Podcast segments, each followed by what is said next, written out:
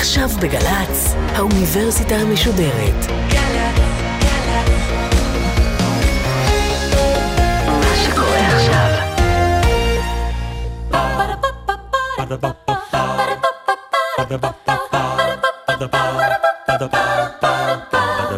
האוניברסיטה המשודרת בשיתוף מיזם וויז מציגה המדען העירום מיטב החוקרים בישראל בשיחה עם בן שני אחד על אחד מול קהל. והפעם הפרופסור יואב יאיר דיקן בית הספר לקיימות במרכז הבינתחומי הרצליה על חלל ושינויי אקלים. עורכת ראשית מאיה גאייר.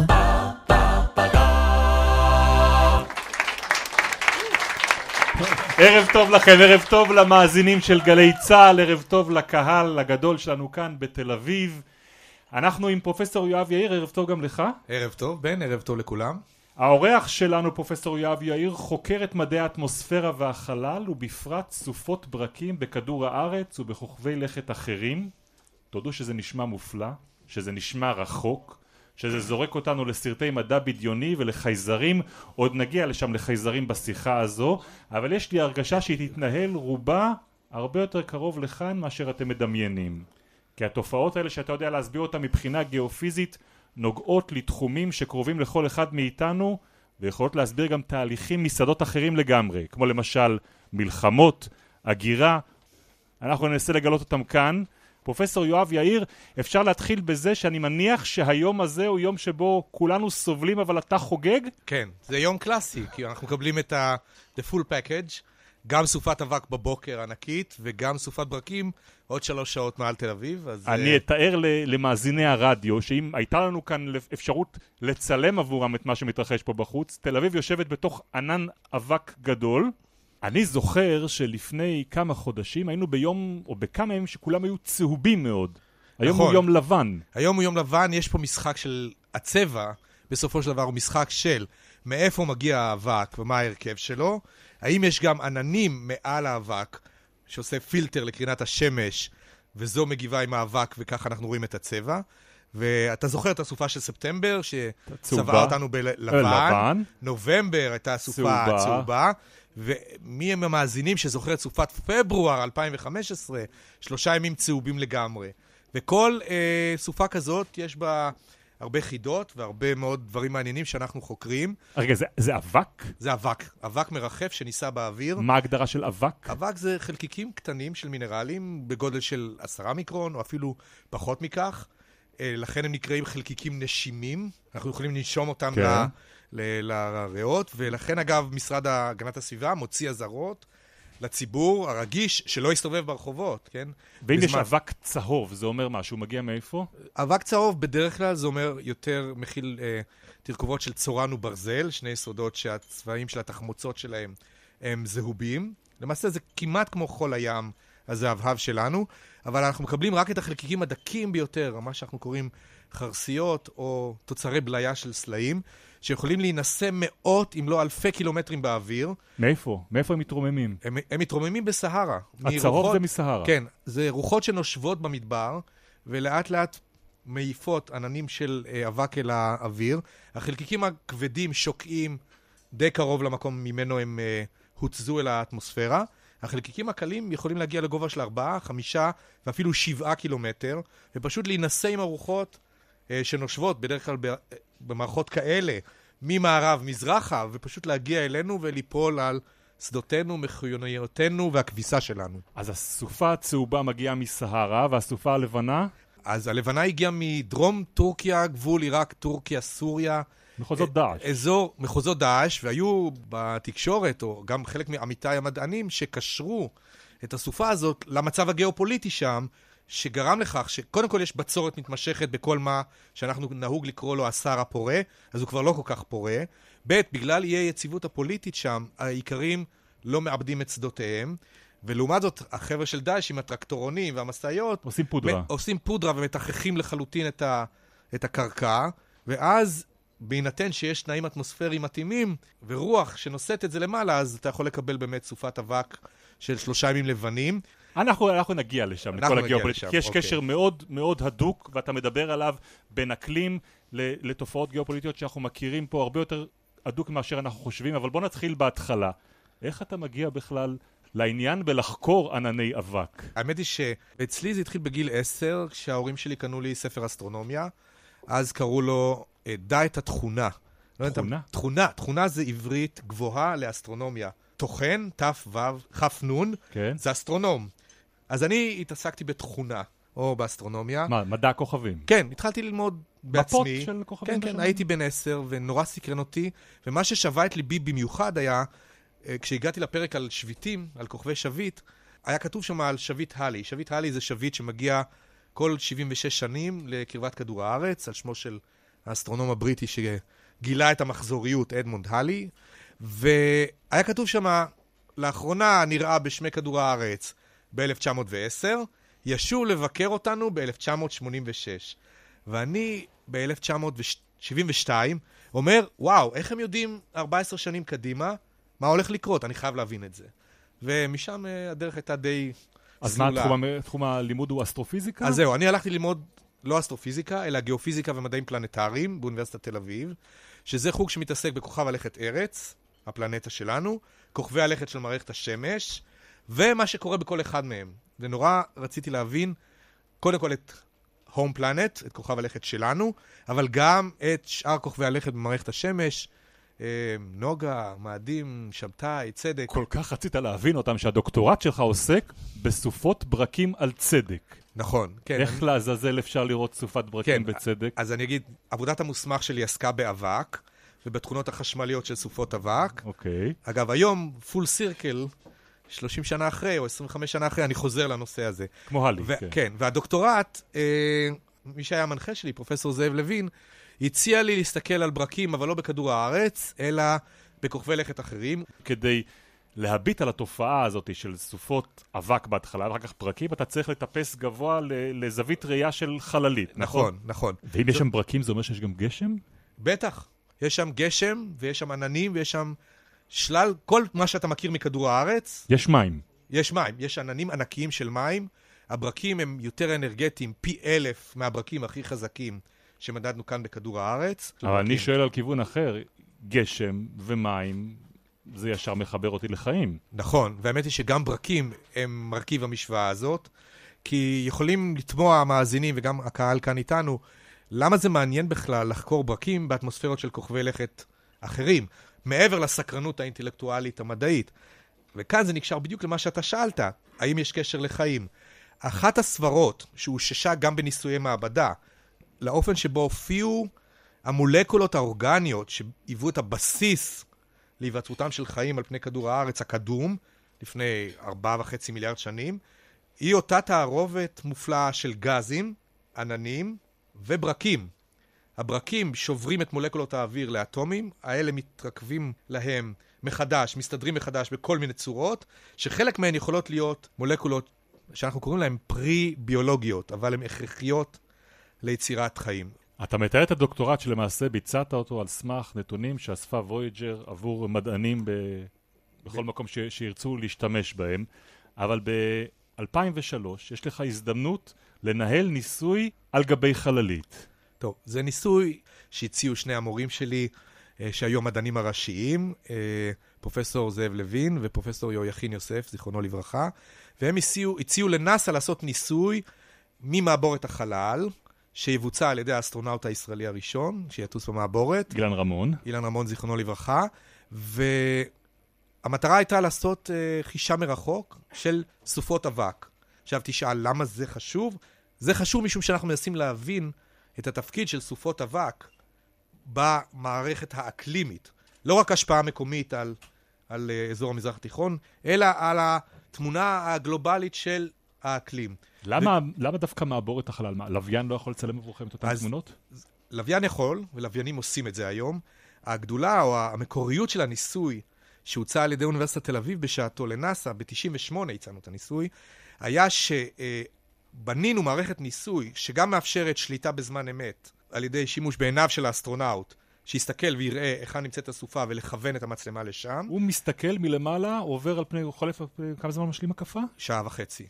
והוא יודע לזהות משם איפה יש ענן שהוא ענן אבק. אנחנו אומרים מראש, 24 שעות קודם, איפה להערכתנו הולכת להיות סופה, ואנחנו מכוונים, עושים תמרון במעבורת שמראש יאפשר לה להסתכל עם המצלמה על הכיוון, אבל אתה יודע, האטמוספירה זזה ותחזיות משתנות. כל האסטרונאוטים ידעו, והעברנו להם את זה דרך mission control ביוסטון, כל יום מראש את תחזית שלכם לגבי... התחזית, והם הסתכלו לשם, ובדרך כלל קלענו בול. במהלך אותם שבועיים, יש לך קשר ישיר עם אילן רמון? אתה מדבר איתו גם?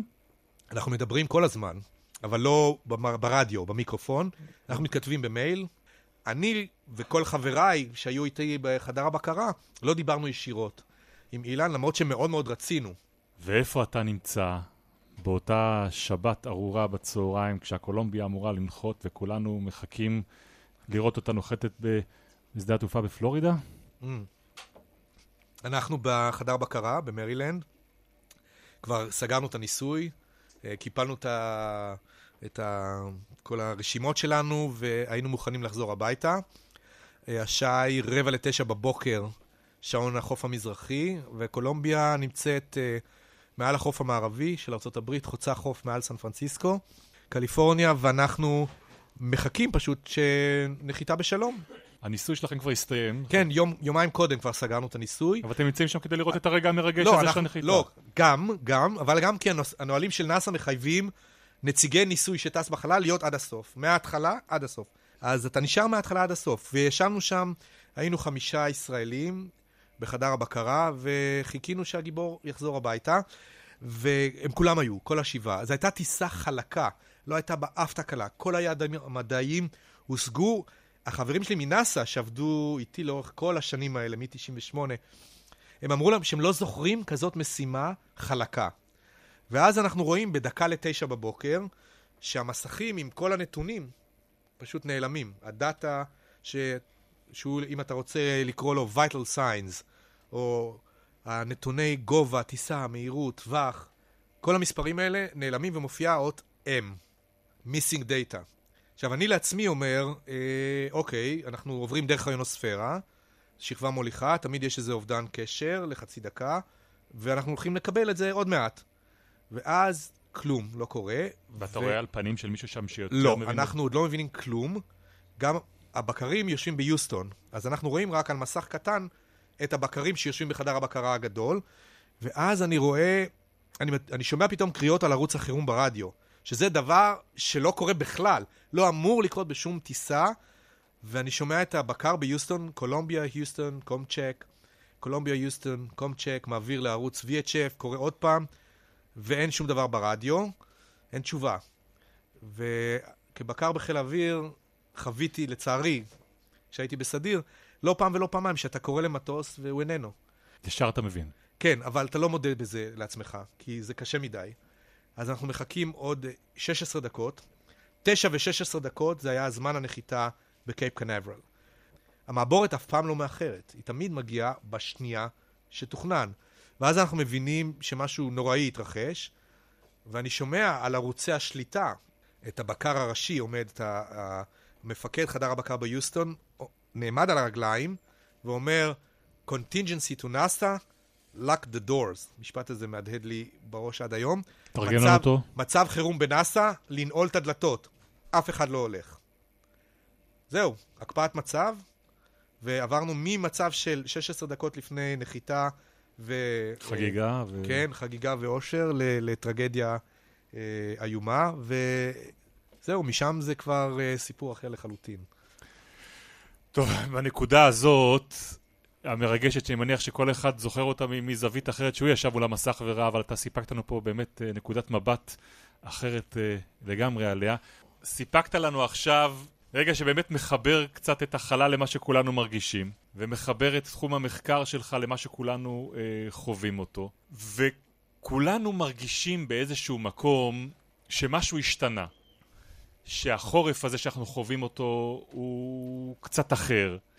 התופעות האלה שקוראים להן התחממות גלובלית מבחינה סטטיסטית הן הולכות על קו רציף או שבשנה שנתיים האחרונות אנחנו חווים איזושהי הצטברות של מקרים שלא חווינו אותם אה, אה, קודם. אז אני אגיד ככה, המגמה של אה, שינויי האקלים בעולם היא מובהקת ו... וברורה ומתמשכת כבר מספר שנים. השנה במיוחד, או מהקיץ הקודם ולתוך 2016, זה כבר לא שאלה האם יש שינוי אקלים, אלא השאלה היא אה, עד כמה הוא ומה תהיינה תוצאותיו. אני חושב שהמאזינים ודאי יודעים שבחודש דצמבר 2015 הייתה ועידת אקלים מאוד מאוד גדולה בפריז, שהביאה לראשונה להסכם היסטורי שעליו חתמו 195 מדינות, כולל מדינת ישראל, שמטרתו של ההסכם היא לעצור או להפחית ככל הניתן את פליטת גזי חממה לאטמוספירה, כדי שההתחממות הגלובלית הצפויה בהמשך המאה לא תעלה על מעלה וחצי בממוצע. קשה לי להאמין, עם כל האופטימיות הטבועה בי, שנצליח להשיג את היעד הזה. כי על איזה קשת אנחנו עומדים? אנחנו עומדים כרגע, אם נמשיך להתנהג כמו שאנחנו מתנהגים עכשיו, התחום הוא בין מעלה וחצי לשלוש מעלות. אני רוצה רק להזהיר אה, ולהסביר למה שלוש מעלות זה מספר מסוכן. כי שלוש מעלות בממוצע על כל העולם, זה אומר שיהיו אזורים שיתחממו בשש או שבע מעלות. והאזורים הכי רגישים להתחממות גלובלית שכזו הם הקטבים. ואם הקטבים יפשירו בקצב יותר מואץ, שאגב, כבר עכשיו הם מפשירים בקצב מעורר דאגה מאוד, אנחנו יכולים להגיע למצב אקלימי חדש לגמרי, שאנחנו לא מכירים כמוהו כבר הרבה מאות אלפי שנים, של פלנטה ללא קרח בכלל. מפלס האוקיינוסים עולה היום בשלושה מילימטר בשנה. אבל הוא לא יפסיק. הוא לא יפסיק, כי המים מתפשטים מעצם טבעם בגלל ההתחממות, פשוט מים חמים, הנפח שלהם גדול יותר מאשר מים קרים, ואם אנחנו מוסיפים לזה את ההפשרה המוגברת של קרחוני הכתבים, בעיקר בגרנלנד, צפון קנדה ובקוטב הדרומי, באנטארקטיקה, אז תלוי את מי אתה שואל, אם זה אנשים פסימיים או אופטימיים או ריאליים, אנחנו מדברים בעליית מפלס של מטרים. כן? היום ההערכה השמרנית ביותר מדברת על חצי מטר בממוצע בכל העולם. כבר היום זה, זה אומר שיש איים באוקיינוס השקט שימצאו מתחת למים, והם יהיו פליטי אקלים. הם, אין להם לאן ללכת. הם צריכים לעבור, לקחת את כל מה שיש להם ולעבור למקום אחר. הם לא יחיו מתחת למים. אז uh, איי קינג סולומון ואיי טונגה והרבה איים אטולים של אלמוגים, הם היום כבר נמצאים כמעט בגובה מפלס פני הים. מה שזה אומר שכל סופה קטנה, כל טייפון, אפילו לא חזק במיוחד, אה, מטביע אותם. וזה גם מה שיקרה לארצות השפלה של מערב אירופה, לדלתא של הגנגס באזור בנגלדש, ולעוד הרבה מאוד מקומות שממש נושקים כבר היום למפלס פני האוקיינוס. זה לא שהמין האנושי הולך להיכחד, אנחנו נסתדר, כן? אנחנו נמצא פתרונות, ואנחנו טובים במציאת פתרונות, אבל זה יהיה כרוך בהרבה סבל, בהרבה אומללות, בהרבה מדינות שלמות שתיאלצנה להסתדר ולהתארגן מחדש, תנועות עמים ענקיות. ואגב, גם זה לא חדשות נוראיות, כי זה כבר קרה בעבר, אבל בסקלות הרבה יותר קטנות. כשאתה מסתכל על כמה אנשים הולכים להיות כאן בכדור הארץ, היום אנחנו על 7.3 מיליארד. ב-2050 אנחנו נהיה 9 מיליארד. אז איך אתה מאכיל 9 מיליארד? איך אתה נותן להם לשתות? איפה הם יגורו? איך אתה מנהל את כל הפלנטה הזאת תחת התרחיש הזה של אקלים שמשתנה? יש מישהו שבכלל משקיע בזה מחשבה? כי אני חושב, נו, מה אני יכול לעשות עם הדבר הזה? אה, ודאי. האמת היא שכמו שאומרים, טובי בחורינו יושבים עכשיו וחושבים על פתרונות, וזה נכון. הפתרונות מתחלקים גם לפתרונות טכנולוגיים מדעיים, אבל גם לפתרונות של חקיקה, רגולציה, הסכמים בינלאומיים וקיום. אבל מה אנחנו כבר רואים היום? נתת את כל התחזית האפוקליפטית הזאת על, על החופים שהולכים להיעלם, על אוכלוסיות שצריכות לנדוד. כבר היום אתה רואה את הדברים האלה מתרחשים? תראה, אז חלק מהדברים מתרחשים. אני לא רוצה להיות, אתה יודע, נביא זעם, ובדרך כלל התרחישים האלה, שמדברים על 30 או 40 שנה קדימה, אה, לא נתפסים כאמינים, הם נתפסים כמוגזמים, ובאיזשהו מקום הקהל מאבד עניין ומפסיק להאמין לך, ולכן גם לא מוכן לפעול כמו שראוי לפעול. ולכן אני לא רוצה לצבוע את העתיד לגמרי בשחור, ולהגיד להפך, העתיד יכול להיות טוב אם נעשה את מה שאפשר לעשות. אם לא נעשה את מה שדורש תיקון, אז אנחנו כבר רואים את התוצאות עכשיו. נדידות עמים גדולות קרו וקורות עכשיו. אי היציבות הגיאופוליטית במזרח התיכון נגרמת בחלקה מהעובדה שיש בצורות מתמשכות, שינוי אקלים כן, אזורי. כן, איפה אתה רואה את הקשר? הקשר הוא שאין לך חיטה, אין לך לחם, אתה מוכר את הלחם הרבה יותר יקר, האזרחים מתקוממים. אי היציבות הנוכחית בסוריה החלה בחבל ארץ שנקרא דרעה, על מהומות על עליית מחירי הלחם. שגרמו אחר כך לתסיסה ואי יציבות, דיכוי וכדומה, ופה עקרון דומינו שהתחיל, אבל זה התחיל, בגלל שלא היה לאנשים מה לאכול. ולא היה לאנשים מה לאכול משום שהיו בצורות מתמשכות עקב ניהול לא נכון של משק מים, שינויי אקלים אזוריים, וזה לא הולך להסתדר מעצמו. זה לא שבחלום אה, פרעה שבע השנים הרעות ואחר כך תבואנה שבע השנים הטובות. לא, אנחנו נמצאים עכשיו ברצף של שנים שהן לא תהיינה טובות, ואני חייב להגיד, למרבית תושבי כדור הארץ. למרות שבמשחק האקלים יש גם מרוויחים. מי? מי? אלה מדינות שהיום אה, מאוד קר בהן, והן הולכות להיות קצת פחות קרות. ואתה רואה ששינוי האקלים הוא כזה, שדרום אירופה, ספרד, פורטוגל, דרום איטליה, יוון, טורקיה, הופכות להיות אה, צחיחות למחצה. משהו כמו 200 מילימטר גשם, שזה אופייני לאזור, נגיד באר שבע, קריית גת אצלנו.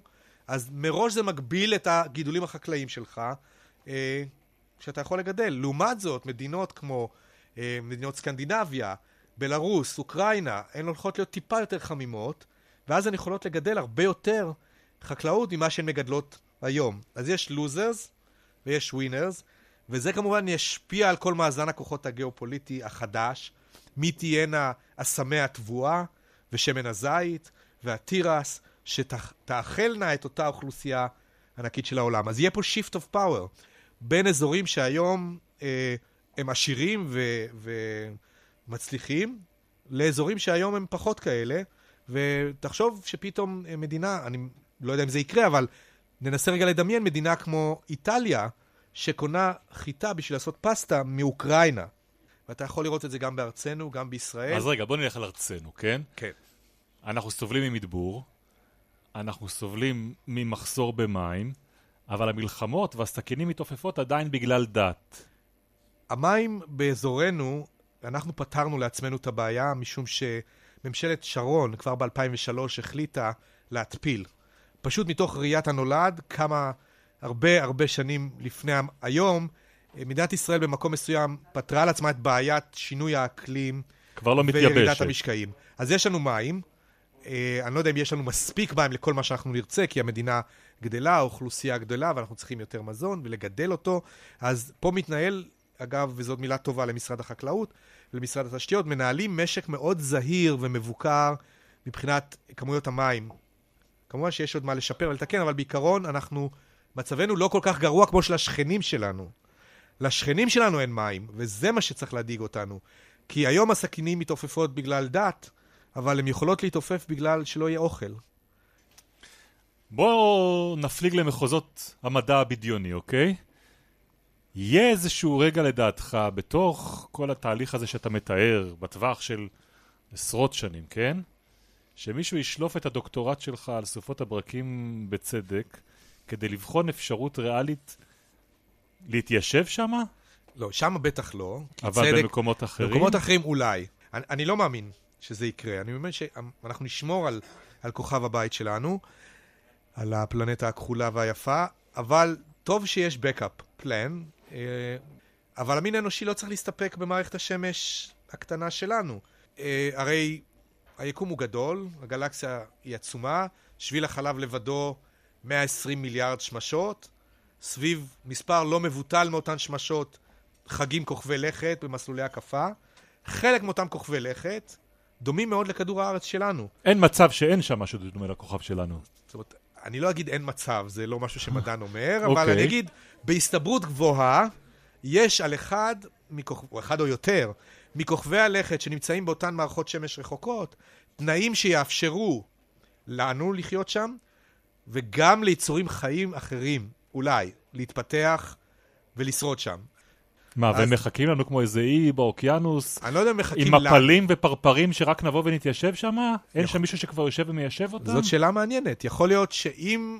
תראה, גם המין האנושי הוא לא התוצר הראשון של החיים. לקח 3.7 מיליארד שנים עד שהופענו כאן. אז יכול להיות באותם מקומות ציורים שאתה מתאר, פרחים ופרפרים, המינים התבוניים פשוט עוד לא הגיעו. אז אם אתה תופס מקום כזה עבורך, אז אתה משתלט על הפלנטה ולוקח אותה, רושם אותה בטאבו על שמך. אבל אם יש שם מישהו שנוצר ועשה אותה אבולוציה ביולוגית ואחר כך טכנולוגית כמונו, אה, בואו נהפוך את השאלה ונגיד, האם אנחנו כתושבי הפלנטה הזאת, היינו מקדמים בברכה מין שמגיע מקצווי הגלקסיה ובא לבקר אותנו. אין מצב. אין מצב שנקבל אותם ב... בדגלים ובזרים של אה, בנות הוואי על הצוואר. אז בהתאם, אתה חושב שיש איזשהו מישהו שלוטש עיניים על הכוכב הכחול שלנו? קשה לשלול את האפשרות הזאת ולהגיד, זה בטוח לא יכול לקרות. כי קודם כל, הסתכלנו סטטיסטית על מספר המקומות האפשריים בגלקסיה שיכולים להיווצר בהם חיים כמו בכדור הארץ, והמספר הוא הרבה יותר גדול מאפס. יש מאמר שהתפרסם בשנה שעברה, שבו מדענים העריכו שמדובר על 40 מיליון כוכבי לכת דמויי ארץ רק בגלקסיית שביל החלב. עכשיו, להגיד שעל אף פלנטה מתוך 40 מיליון כוכבי לכת דמויי ארץ. לא אין... מתקיימת עכשיו שיחה כמו שלנו. כן, רק אולי עם ירוקים ועם אנטנות, כן. אבל נניח. אה, יכול להיות. זאת אומרת, אני לא שולל את זה. יכול להיות שהפגישה הראשונה שלנו עם תרבות חוצנית לא תהיה עם חללית מאוישת בחייזרים ארוכי שיניים, אלא עם רובוט שיגיע. תנחת פה פתאום איזשהו גשושית. גשושית, כן, ואנחנו נוציא איזשהו תקליטור מוזהב עם הציור של התרבות ששלחה אותם, ונצטרך לפענח אותו ולהבין מאיפה הם באו. אגב, סטיבן הוקינג טוען שאוי ואבוי לנו שנעשה את זה. אסור לנו בשום פנים ואופן לפתוח את התקליט שלהם. לפתוח וליצור קשר. אז איפה הסקרנות? אה, כן, סקרנות, אתה יודע, יש אמרה באנגלית, curiosity kill the cat. We don't want to be that cat. אנחנו סקרנים, אבל כשאתה מגלה למין תבוני איפה אתה, מה ה-DNA שלך, מה הרכב האטמוספירה שלך, מן הסתם הוא יגיע. הוא יגיע, ואתה לא יכול להיות בטוח שזה לא איזשהו יצור שבא לאכול שכוונותיו אותך. טובות. כן, שרואה אותך כסניף מקדונלד אה, גלקטי. נפלא, הנימה האופטימית הזאתי. לקראת סיום, פרופסור יואב יאיר, יש לנו סבב מהיר של אה, שאלות. נודה לך על תשובות קצרות. מה אתה מעדיף, חורף או קיץ? חורף, אוקיי. עם אבק או בלי אבק? גם. אם היו נותנים לך סכום לא מוגבל למחקר, במה היית משקיע אותו? הייתי שם uh, עשרות מצלמות על תחנת החלל הבינלאומית, ומסתכל על כל מה שקורה בכדור הארץ כל הזמן.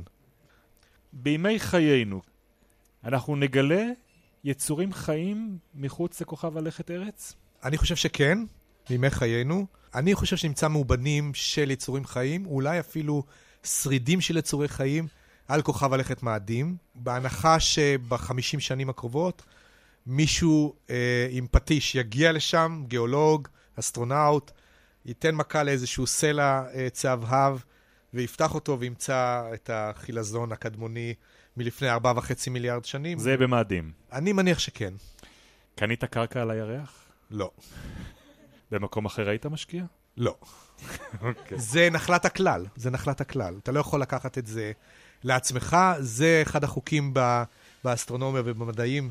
העולם שייך לכולם. אנחנו באמת מסיימים היום את הסמסטר השני של המדען העירום באוניברסיטה המשודרת. תודה רבה רבה לך, פרופסור יואב יאיר, על השיחה הזאת. בסמסטר הזה עסקנו בין היתר במוח האנושי, בתאי גזע עובריים, בפיזיקת קוונטים, בפוליטיקה של המידע וברובוטיקה. היינו בתל אביב, בירושלים, בבאר שבע, ברעננה עם הצוות המסור שלנו בגלי צה"ל. זאת הזדמנות נהדרת להודות למאיה להט על האמונה שלה במפעל הזה של האוניברסיטה המשודרת. תודה רבה לעורכת הראשית שלנו מאיה גייר, לאביגיל קוש שעורכת את כל התחקירים למפגשים האלה של המדען העירום. לטכנאים של גלי צה"ל בראשות בני יהודאי, תודה רבה. תודה גם למיכאל אבו, לשיילי שכטר ועמרי קאופטלה. אנחנו נחזור בקרוב עם מפגשים חדשים, כדאי לכם לחפש אותם ועוד הרבה הרצאות מרתקות אחרות בדף הפייסבוק שלנו, של האוניברסיטה המשודרת, וגם של השותפים שלנו בפרויקט הזה, אנשי מיזם וויז. אז עד הפגישה הבאה, לילה טוב מתל אביב. Ba-da-ba-ba-ba